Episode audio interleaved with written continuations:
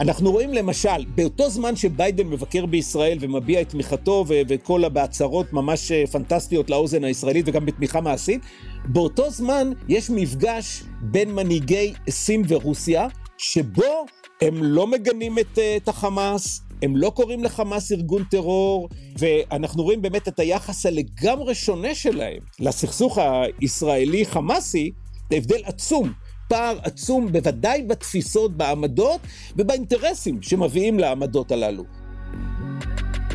היי, אני הילה וייסברג, ואתם מאזינים לצוללת של גלובס. המלחמה שפרצה אצלנו ב-7 באוקטובר, יום שבת השחור, היא רק חתיכה אחת בתוך פאזל גדול ומורכב, שמערב את המעצמות הכי גדולות בעולם. תחשבו על זה, מאחורי שלוש זירות של סכסוכים מקומיים לכאורה, טיוואן, אוקראינה ועזה, עומדות סין, רוסיה וגם איראן, שחימשה ומימנה את חמאס לאורך שנים. שלושתן נמצאות בקשרים גיאופוליטיים וכלכליים, אחת עם השנייה, ונמצאות בחזית אחת מול ארצות הברית, שהיא בת ברית שלנו, ישראל. לכן, מה שנראה אולי במבט ראשון כמו מלחמת ג'יהאד מקומית של חמאס מול ישראל, בעצם מערבת בתוכה עוד מדינות רבות, בהן גם המעצמות הכי גדולות בעולם. זוהי רשת סבוכה ומורכבת של הרבה מאוד אינטרסים במערכת הבינלאומית. והשאלה הגדולה שמרחפת ממעל היא, האם מלחמת ה-7 באוקטובר עלולה להתלקח גם, חס וחלילה, למלחמת עולם שלישית? כדי להבין טוב יותר את סבך האינטרסים שמנחה את השחקניות השונות במערכה, ומהם הסיכויים למלחמה אזורית, נדבר היום עם המומחה לסדר עולמי מאוניברסיטת חיפה, פרופסור בני מילר, וכן עם פרופסור גליה פרס בר נתן, מהמחלקה ליחסים בינלאומיים באוניברסיטה העברית, ומומחית לשיתוף פעולה אזורי בשלום כלכלי. כמו כן, היא ראשת מכון דייוויס ליחסים בינלאומיים באוניברסיטה. פרופסור בני מילר השתתף גם בפרק 290 של הצוללת, מוזמנים לחזור ולהאזין. שלום פרופסור בני מילר. שלום הילה, שמח להיות uh, עוד פעם איתך בפודקאסט של גלובס. תראה, לכאורה, מלחמת ישראל-חמאס היא מלחמה מקומית, או בוא נגיד יחסית uh, מקומית, אבל למעשה מעורבות בה גם המעצמות הכי גדולות בעולם, אה, יכול מאוד להיות שזה קורה אה, במידה רבה מאחורי הקלעים. ארה"ב ואיראן זה ברור, אבל גם סין ורוסיה. איך בדיוק הכל אה, מתיישב ביחד? קודם כל, הן מעורבות במישרין ובעקיפין, אנחנו צריכים להיות מאוד זהירים, אבל העניין הוא כאן שסין פתחה במהלך דיפלומטי מאוד משמעותי בפברואר השנה בכניסה שלה למזרח התיכון, בזה שהיא טיווחה בחידוש היחסים הדיפלומטיים בין שתי היריבות הגדולות במזרח התיכון, סעודיה ואיראן. אחרי שנים רבות של יריבות על ההגמוניה האזורית בין אה, סעודיה, המדינה הסונית המובילה, לבין איראן, המדינה השיעית המובילה, בפברואר השנה סין סיפקה מה שנקרא את השירותים הטובים שלה כדי אה, לתווך לחידוש, ל restoration של היחסים הדיפלומטיים בין סעודיה לבין איראן.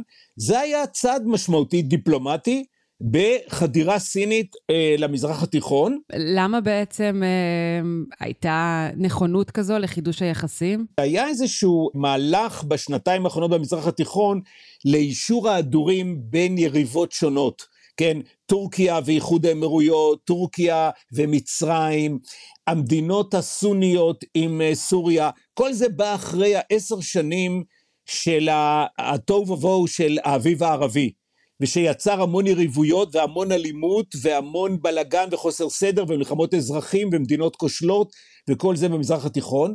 רגע, אבל יש פה גם איזשהו אינטרס כלכלי? סעודיה, תחת בן סלמן, יש לה שאיפות מאוד גדולות לעבור מודרניזציה בהרבה תחומים, אבל קודם כל בתחום הכלכלי, ולתרגם את עושר הנפט שלה לעושר ושגשוג גם בתחומים אחרים ולהובלה בתחומים אחרים, ובכלל, החשיבות שלה מאוד גדלה במה שנקרא The Global South. זה המחנה של המדינות ה-non-aligned, המדינות שהן כאילו המדינות הניטרליות, בין שני הגושים הגדולים, הגוש שמונהג על ידי ארצות הברית, הגוש המערבי, לעומת הגוש הסיני-רוסי, ואפשר להוסיף הסיני-רוסי-איראני.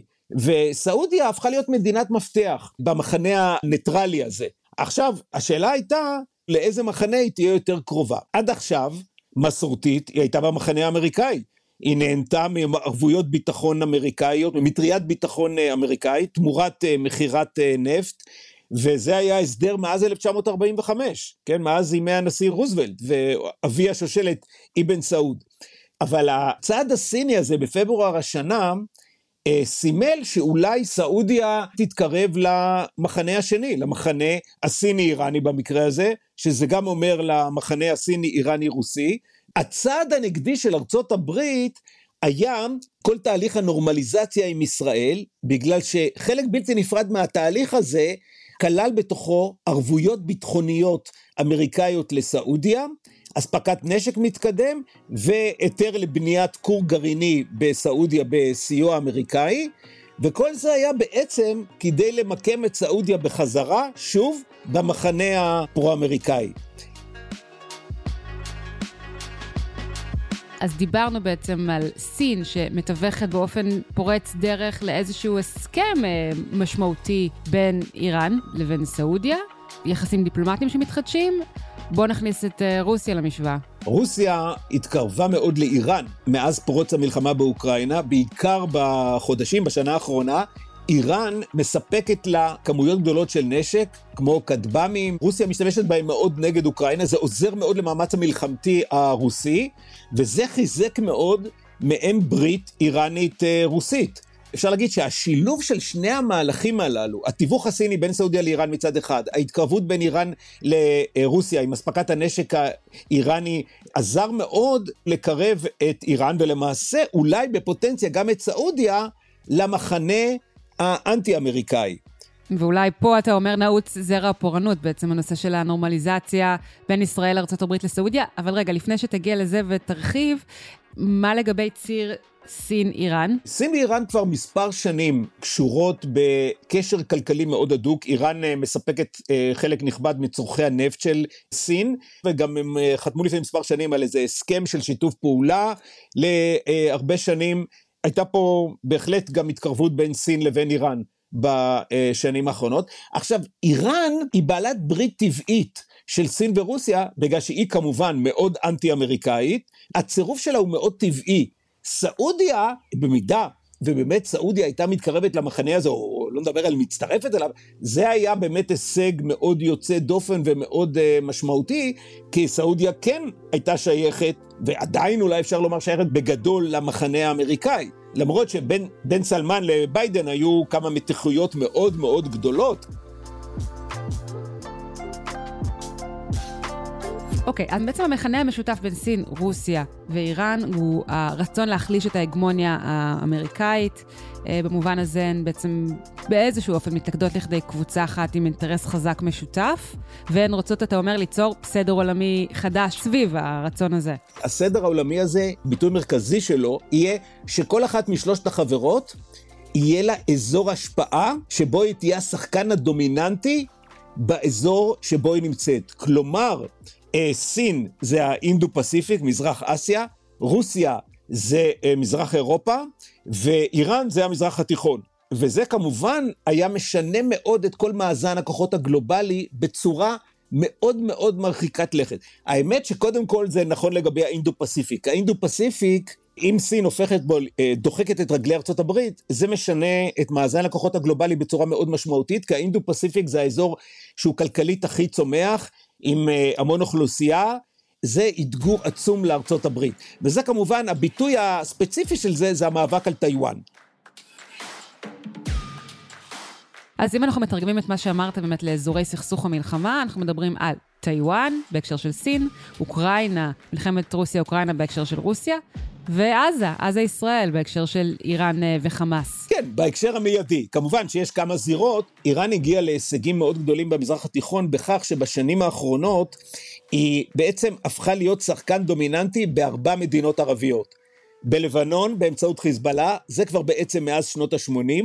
בעיראק אחרי ההתערבות האמריקאית ב-2003, איראן בעצם הייתה המרוויחה הגדולה והפכה להיות אה, שחקן מאוד מרכזי בפוליטיקה העיראקית, וגם אה, שחקן כוחני באמצעות המיליציות השיעיות הפרו-איראניות, ובתימן ובסוריה בעקבות האביב הערבי. זאת אומרת בעשור האחרון היא הפכה להיות בעצם שחקן דומיננטי. אז יש ארבע מדינות ערביות שבהן בעצם יש כוחות איראנים או פרו-איראנים או מיליציות שיעיות שכפופות לאיראן וכולם יוצרות איום אסטרטגי על ישראל. וכמובן בעזה יש לנו את החמאס ואת הג'יהאד האיסלאמי, שלמרות שהם היוצאי דופן בקואליציה הזאת, כי הם סונים, גם הם נהנים מסיוע איראני ומתמיכה איראנית. מבחינה זאת, איראן פה יצרה איום ביטחוני משמעותי על ישראל, בגלל כל ההתפרסות שלה בארבע מדינות ערב, פלוס רצועת עזה. ואתה אומר, בני, שרגע מכונן בכל המערכה הזו יכול להיות, הוא הנורמליזציה שהתהוותה לפני שבועות ספורים בסך הכל, חודשים ספורים, בין ישראל, ארצות הברית לסעודיה. יכול להיות שפה טמון איזשהו זרע פורענות שהצית את המלחמה הגדולה הזו לצערנו. אנחנו לא יכולים לדעת את זה בוודאות. אם אנחנו מנתחים את האינטרסים של השחקנים שפועלים, היה פה אינטרס אדיר, גם בוודאי של איראן, ואיראן, אז גם הקשר הרוסי, גם רוסיה נכנסת פה, היה להם אינטרס מאוד חזק אה, למנוע את תהליך הנורמליזציה הזאת ואת ההתקרבות מחדש של סעודיה למחנה הפרו-אמריקאי, והלוגיקה פעלה כך, חמאס יבצע פיגוע אדיר משמעותי מאוד בישראל, ישראל תיאלץ להגיב בצורה מאוד חמורה, המון אזרחים עזתים ייפגעו, זה ייצור תסיסה מאוד גדולה, מה שאנחנו קוראים הרחוב הערבי, בדעת הקהל הערבית, וזה יעכב מאוד, אם לא בכלל יבטל, את הנורמליזציה בין ישראל לבין אה, סעודיה ואת ההתקרבות מחדש בין סעודיה לבין ארצות הברית, ובכלל יחליש את מעמד ארצות הברית ואת הסכמי אברהם, כי דעת הקהל תזעק כנגד ישראל, וזה גם מחדש יעלה את הנושא הפלסטיני למרכז הבמה, בשעה שכל המטרה מבחינת נתניהו של הסכמי אברהם הייתה בעצם לגרום לשוליות של הסוגיה הפלסטינית, מתוך התפיסה שאפשר לקדם הסכמי שלום, נורמליזציה, קידום יחסים כלכליים ואפילו ביטחוניים עם מדינות ערביות מרכזיות, בלי להתמודד עם הנושא הפלסטיני. התשובה הנגדית של המחנה הנגדי היא בעצם להראות ולנסות להוכיח שזה בלתי אפשרי, ולפגוע קודם כל בנורמליזציה עם סעודיה, לאחר מכן עם הסכמי אברהם, ובכלל ביחסי השלום שישראל יצרה במזרח התיכון, גם אפילו עם מצרים וירדן בזמנו. כי בני, בוא נניח, אם באמת הנורמליזציה עם סעודיה, אם ההסכמים האלו היו קורמים עור וגידים היו יוצאים לפועל, זה היה מחליש מאוד את אה, איראן, את סין ואת רוסיה? לגמרי. הנורמליזציה הייתה מאוד מחלישה את איראן, כי זה היה אה, מחזיר את סעודיה למחנה הפרו-אמריקאי ומחזק מאוד את הסכמי אברהם, וכמובן איראן מאוד מאוד מאוד לא אהבה את הסכמי אברהם, כי זה נתפס כהסכם אנטי-איראני, שאחד היסודות שלו, לא היסוד הבלעדי, אבל אחד היסודות שלו, מעין היערכות אנטי-איראנית, שנשענת גם על ישראל, יחד עם אה, מדינות המפרץ הסוניות, ואם הנורמליזציה עם סעודיה הייתה מושגת, זה היה בעצם משלים את התמונה של בידודה של איראן מהמדינות הסוניות המרכזיות, שהפכו להיות, חשוב לציין זאת, מה שקרה בשנים האחרונות, התהליך של שינוי מאזן לקוחות במזרח התיכון, הוא שסעודיה ואיחוד האמירויות הפכו להיות בעצם שחקנים מרכזיים. בזמנו, אם אנחנו חושבים פעם, אז מצרים, סוריה, עיראק, אלה היו המדינות המרכזיות. חל כאן מהפך אדיר של יחסי הכוחות, סעודיה ואיחוד האמירויות הפכו להיות שחקנים מרכזיים בגלל עושר הנפט שלהם מצד אחד, ובגלל חוסר היציבות המאוד גדול הפנימית בשלוש המדינות הללו, עיראק, סוריה ומצרים.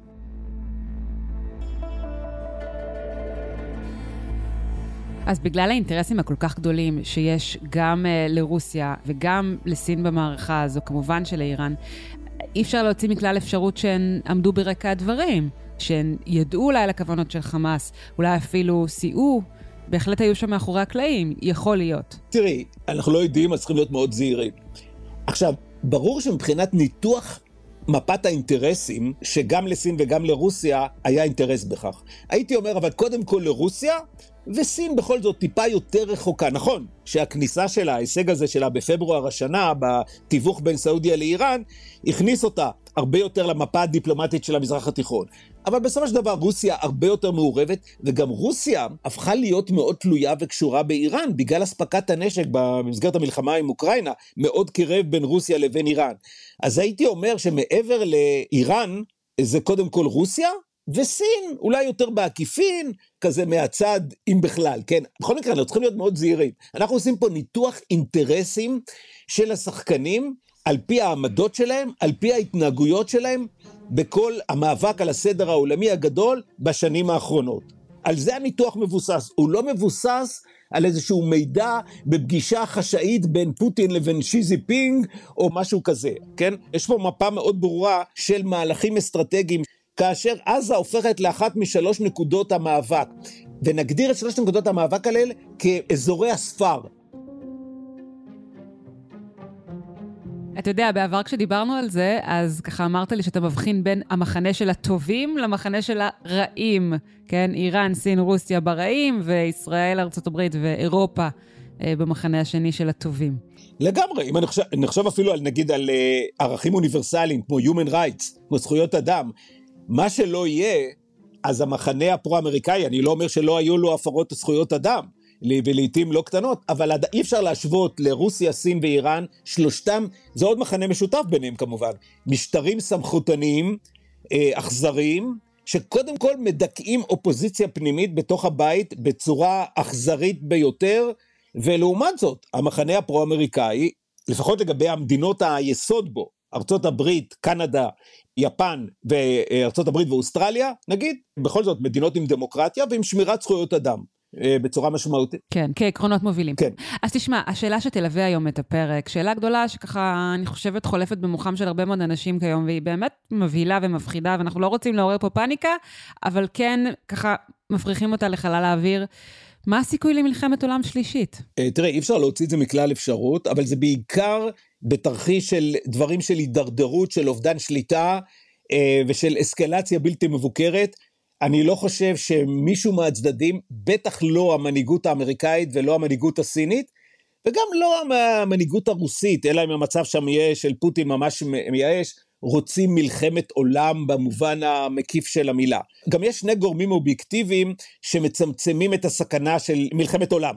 קודם כל זה על המאזן הגרעיני, כי אם מלחמה מידרדרת זה עלול להביא לאסקלציה גרעינית שפירושה הרס הכל ולכן אף אחד לא ירוויח. והדבר השני, זה, וזה מתייחס בעיקר למערב ולסין, לארה"ב ואירופה וסין, זה התלות ההדדית הכלכלית המאוד גבוהה על יחסי הסחר הסופר מפותחים ביניהם, מבחינה זאת זה שונה מאשר היה במלחמה הקרה בין ארה"ב לבין ברית המועצות, שבהם כמעט ולא היו יחסי סחר, התלות ההדדית הכלכלית הייתה מאוד מאוד מאוד נמוכה, לא הייתה קיימת. לעומת זאת, בין ארה"ב לבין סין, בין אירופה לבין סין, יש יחסים כלכליים אדירים, בהיקף אדיר. נכון שארה"ב בזמן האחרון הטילה מגבלות, אבל זה בעיקר על טכנולוגיות סופר גבוהות, כמו artificial intelligence וצ'יפס, מחשוב מאוד ברמה גבוהה, דברים כאלה, אבל כל השאר, המאות ביליונים של סחר, מתנהלים עדיין במרץ רב, וזה אינטרס של כל הצדדים. אז זה גם כן גורם שמפחיד. ואם אתה משווה בין התקופה הזאת, נניח לתקופות שקדמו למלחמות העולם שכן קרו, כן? מלחמת העולם הראשונה ומלחמת העולם השנייה. מה גורם לך לחשוב שעכשיו, ככל הנראה, זה לא יקרה? אה, טוב, אני לא, כמובן, לא מוציא מכלל אפשרות של מלחמה, הקונפליקט הוא מאוד עמוק. כן, אמרת לי שאתה מעריך את הסיכויים ב-10 עד 20 אחוז, משהו כזה. כן, מקסימום נגיד 30, אבל זה הגג של הגג של הגג. תראי, קודם כל, נשק גרעיני לא היה לא במלחמת העולם הראשונה ולא במלחמת העולם השנייה. נכון שבימים האחרונים של מלחמת העולם השנייה, ארה"ב הצליחה לפתח נשק גרעיני והוא עזר לסיום המלחמה. אבל הוא לא היה רלוונטי לפרוץ המלחמה, להתקפה היפנית אה, בפרל ארבור. לגבי הגורם השני זה טיפה יותר מסובך, תלות הדדית כלכלית, היא לא הייתה משמעותית מאוד במלחמת העולם השנייה, עם זאת, כן הייתה תלות הדדית כלכלית בין בריטניה לבין גרמניה למשל, ערב מלחמת העולם הראשונה, ולמרות זאת מלחמה פרצה. אז המחנה הריאליסטי ביחסים הבינלאומיים, לכן מצביע על מלחמת העולם הראשונה, ואומר, הנה, תלות הדדית כלכלית לא הצליח למנוע מלחמה בהיקף עצום, מלחמה שהרסה את אירופה, במלחמת העולם הראשונה, למרות התלות הדדית הכלכלית. ונכון שגם אז הייתה מעין גלובליזציה, ערב מלחמת העולם הראשונה, לא ערב מלחמת העולם השנייה, הייתה גלובליזציה והיה יחסים כלכליים וכל זה. אבל היום בכל זאת הגלובליזציה הגיעה להיקפים מאוד גדולים, התלות ההדדית הכלכלית, הסחר, ההשקעות וכל זה. אבל זה לא מבטיח מניעת מלחמה, בהחלט. יש סכסוך מאוד עמוק בין המחנה האנטי-אמריקאי הסמכותני, לבין המחנה המערבי, שברובו הוא לפחות דמוקרטי, סכנת אסקלציה בכל אחד משלוש הנקודות הללו, אוקראינה, עזה, כאילו המזרח התיכון וטיוואן, קיימת.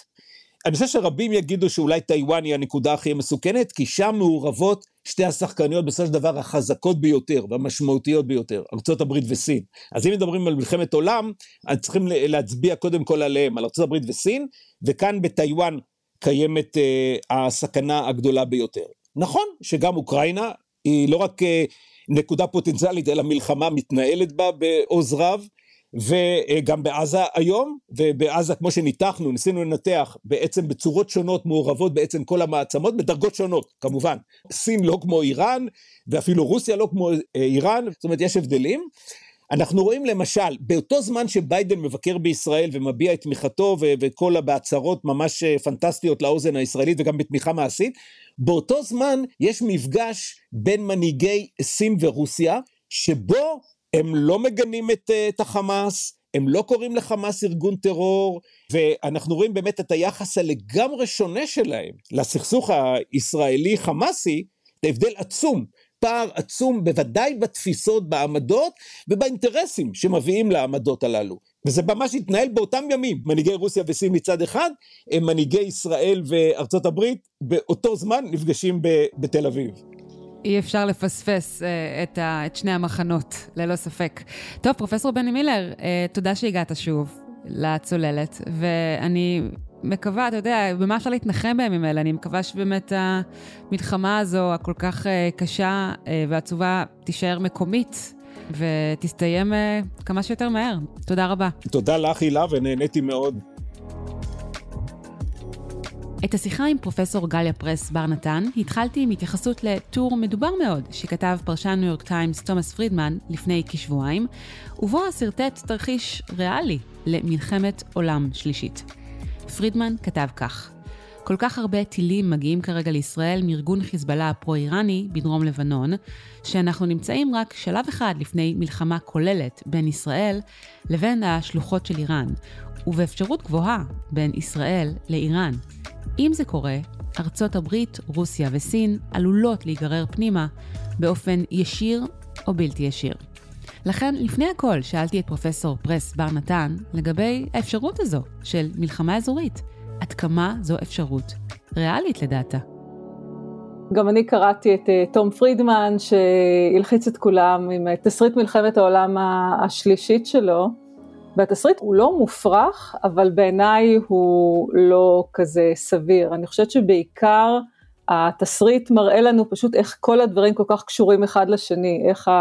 דרך מה שקורה אצלנו אפשר אה, לזהות את כל הרשת הסבוכה של היריבויות והקשרים בין מדינות שונות. אה, מעצמות גדולות, ולכן אפשר לדמיין את התסריט הזה של חיזבאללה מצטרף לעימות, איראן, אה, ארצות הברית, רוסיה, סין מצטרפות לעזור לאיראן, כלומר לדמיין את זה בצורה לוגית.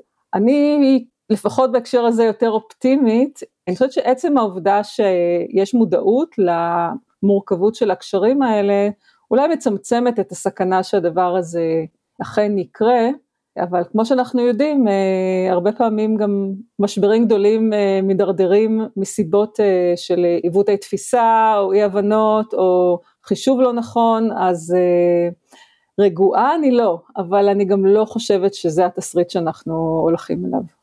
למה את לא חושבת ככה? זאת אומרת, בעצם את אומרת, יש יותר סיכויים שזה לא יקרה מאשר שזה יקרה.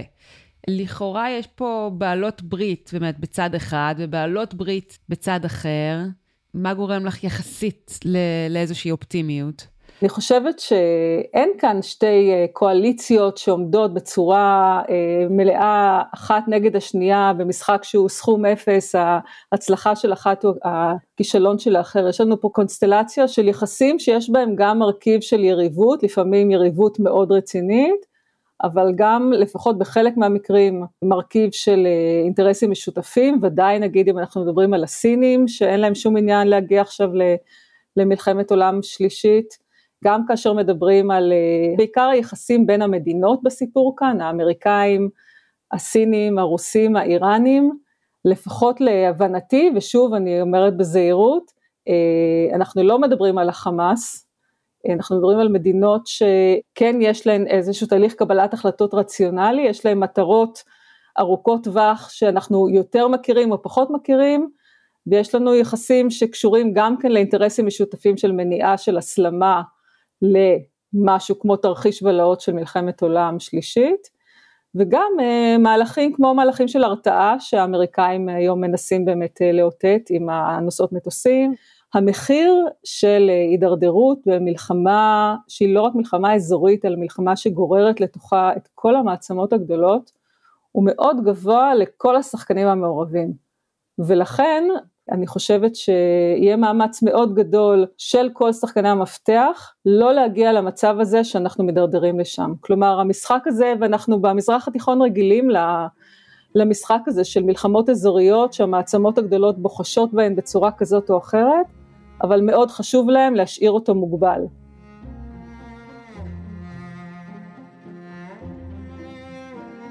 בתחילת הפרק שמענו את פרופסור בני מילר מחלק את המעצמות שיש להן קשר או עניין במלחמה מול חמאס לרעים מול טובים. כאמור, איראן, סין ורוסיה במגרש של הרעים, ולעומתן אנחנו, ישראל, ארצות הברית וגם אירופה במגרש של הטובים. אבל מבחינתה של פרופסור פרסבר נתן, הסיפור הוא לא עד כדי כך פשוט. כי רעים מול טובים, זו חלוקה שנשענת על סדר עולמי שמבחין, בגדול, בין משטרים ליברליים לסמכותניים, אוטוריטריים. אבל למדינות המעורבות כאן יש גם הרבה מאוד אינטרסים שהן מחזיקות בכל מיני מקומות, אפילו אצל שחקניות במחנה השני.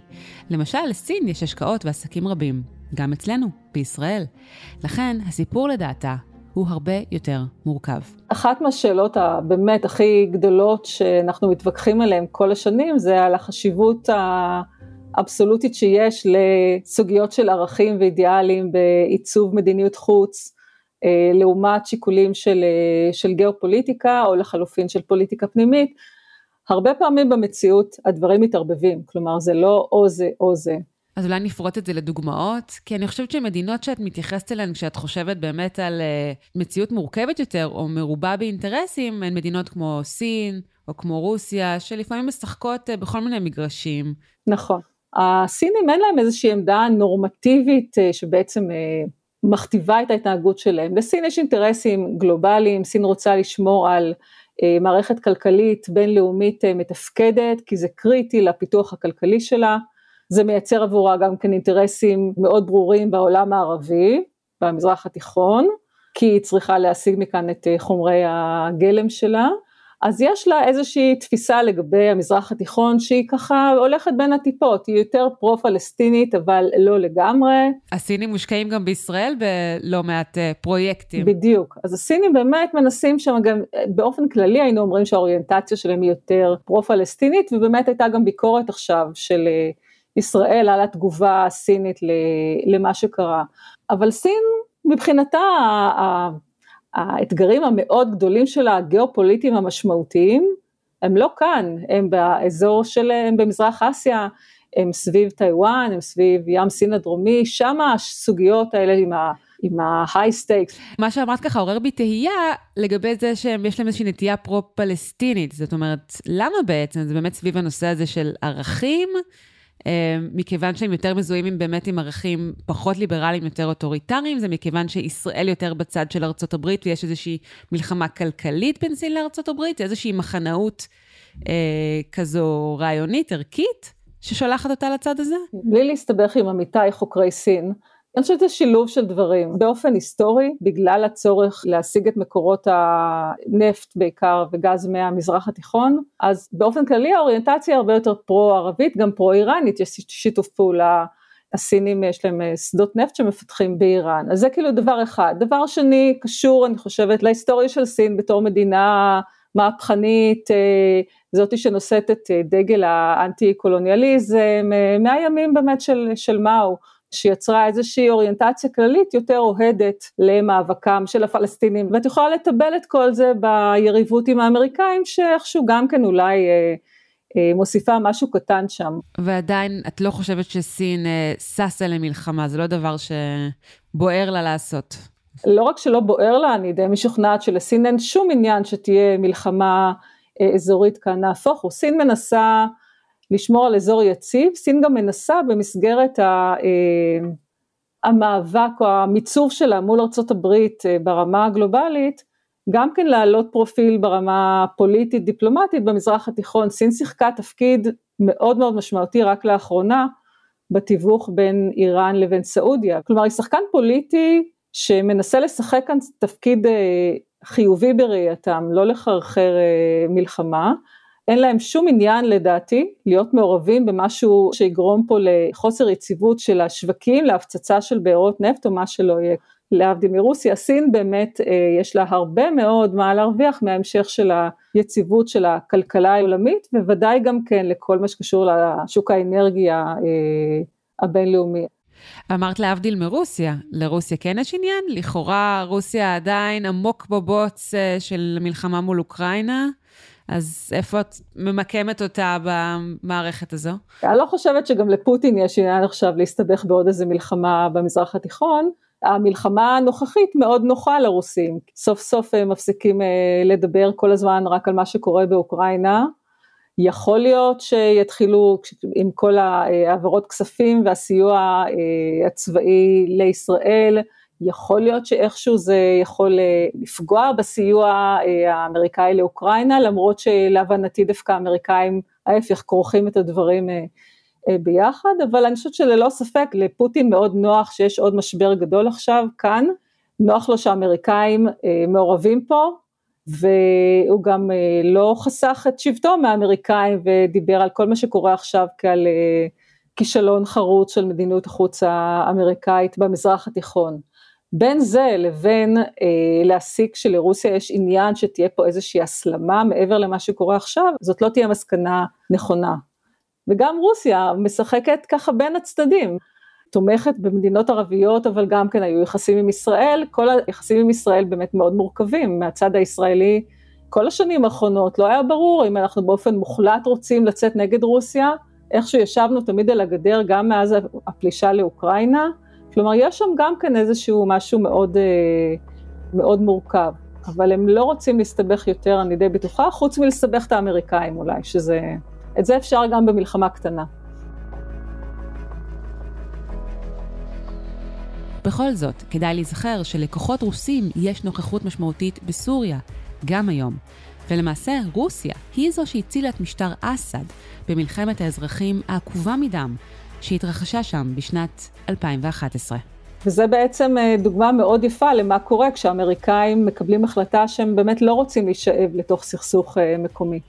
האמריקאים החליטו שעם כל מה שהם עשו, הם לא הולכים לשלוח כוח צבאי גדול לסוריה, אה, ומי שנכנס לתוך התמונה והציל את אסד והקים בסיס והכל, זה בעצם הרוסים. מה שמחזיר אותנו לאמריקאים, שגם הם לא רוצים שיקרה פה משהו יותר גדול, כי כל מה שהם רצו זה בעצם אה, לצאת מפה, לפחות להישאר פה בעלויות אה, לא מאוד מאוד גבוהות, ומה שקרה עכשיו ללא ספק אה, ערער את האסטרטגיה הזאת שלהם.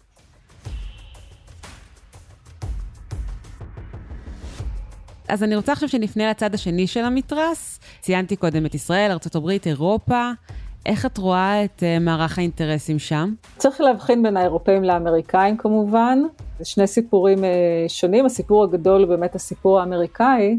האירופאים, אני חושבת, uh, שוב, בהמשך לשאלה, השאלה המובילה כאן, האם יש למישהו איזשהו עניין בהסלמה של הסכסוך הזה, אז מאוד ברור שבאיחוד האירופאי אין עניין כזה.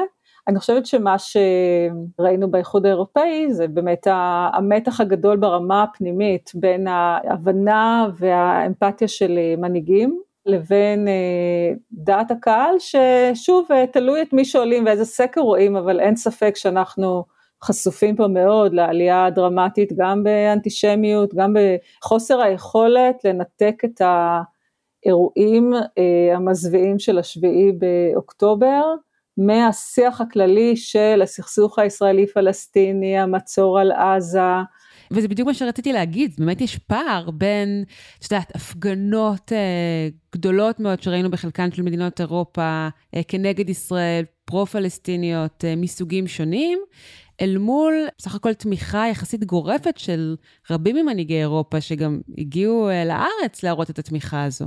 ממש הגיעו עד לישראל בעיצומה של המלחמה, זאת אומרת, דיברנו על איתותים קודם לכן, וזה באמת נראה לי איתות מאוד ברור. אפילו תהיתי למה צריך להגיע פיזית.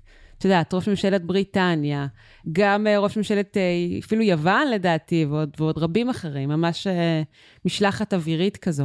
כמעט כי יש צורך, כי אחד הגיע, שהשני גם יגיע. את צודקת, אני חושבת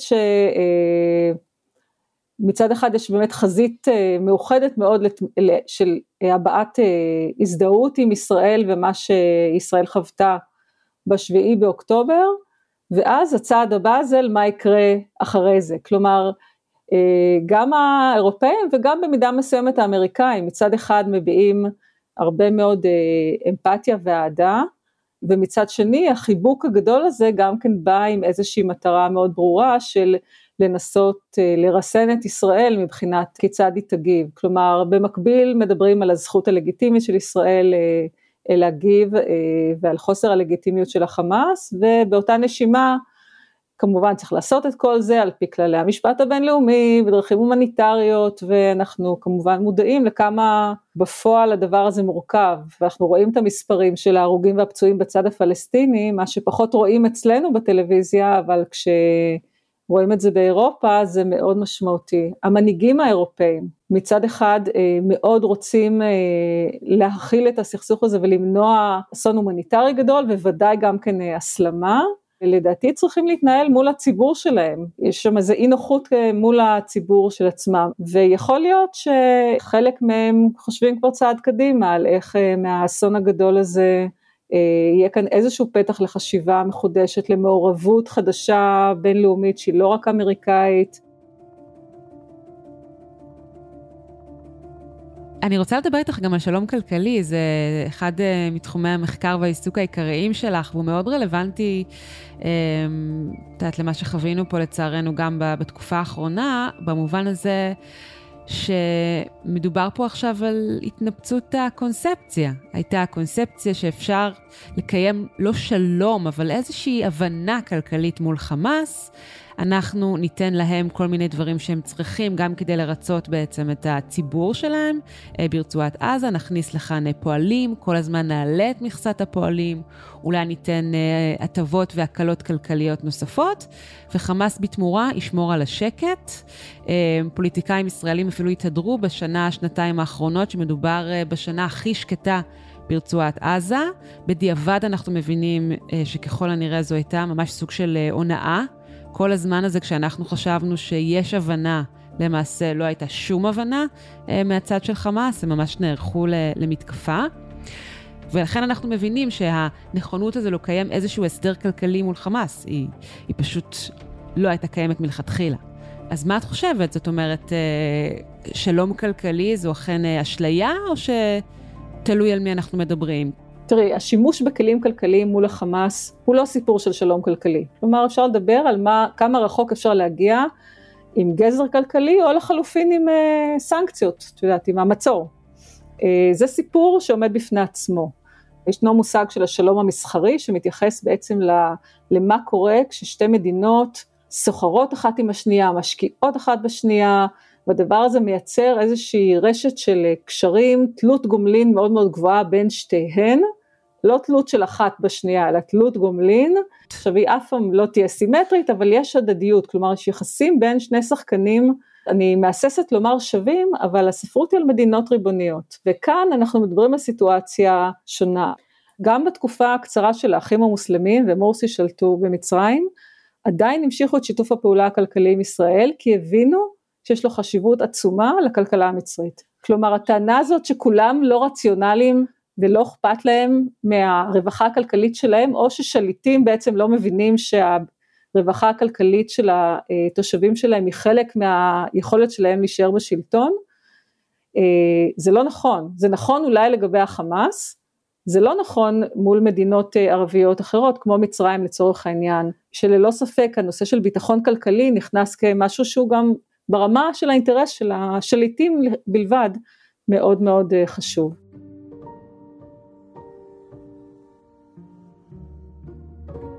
ראיתי ככה במאמר שכתבת לפני כמה שנים על uh, שלום כלכלי, שהתייחסת גם למושגים נוספים, שלום מסחרי ושלום קפיטליסטי.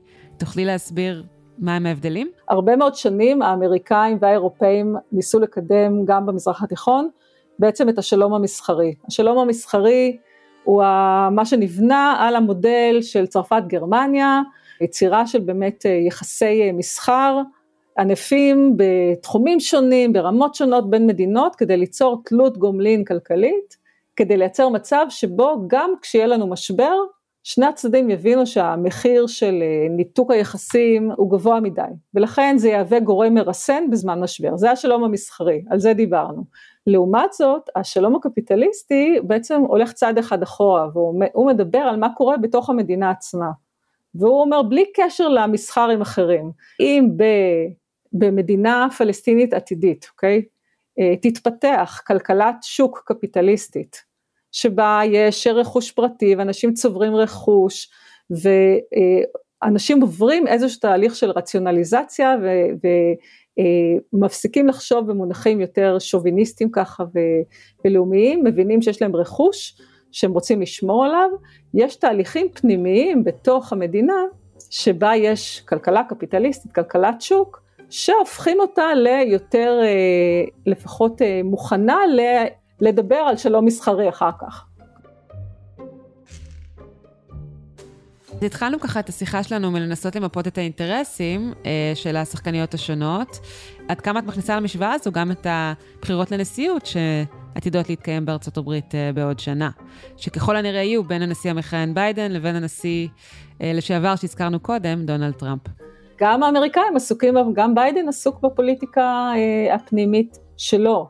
וכאן אני חושבת גם אם יעלה נשיא רפובליקני, אה, שותפות האינטרסים עם ישראל היא באמת מאוד מאוד עמוקה ומשמעותית. זה יכול להיות חם מהלב כמו ביידן, אומרים הנשיא הציוני האחרון, וזה יכול להיות יותר אה, בסגנון של טראמפ, עד כמה ארצות הברית תהיה מסוגלת להרתיע את איראן מלהתערב בתוך כל מה שקורה עכשיו, גם דרך אה, הרתעה של, אה, של, של החיזבאללה, התפקוד של האמריקאים בתוך המשבר הזה שהוא קריטי, עשוי גם להשפיע על הבחירות בתוך אה, ארצות הברית אה, בשנה הבאה, עם כל ה... אה, הביקורת, הספקנות לגבי ביידן, גילו, הכושר שלו לעשות דברים, אני חושבת שעכשיו זה מין רגע מאוד מאוד משמעותי של מנהיגות שלו, וגם הציבור האמריקאי מסתכל על זה. טוב, אני מקווה שהגישה האופטימית שלך תתברר כגישה הנכונה, שאכן תתממש. פרופסור גליה פרס בר נתן, תודה רבה. תודה רבה לך, בשורות טובות.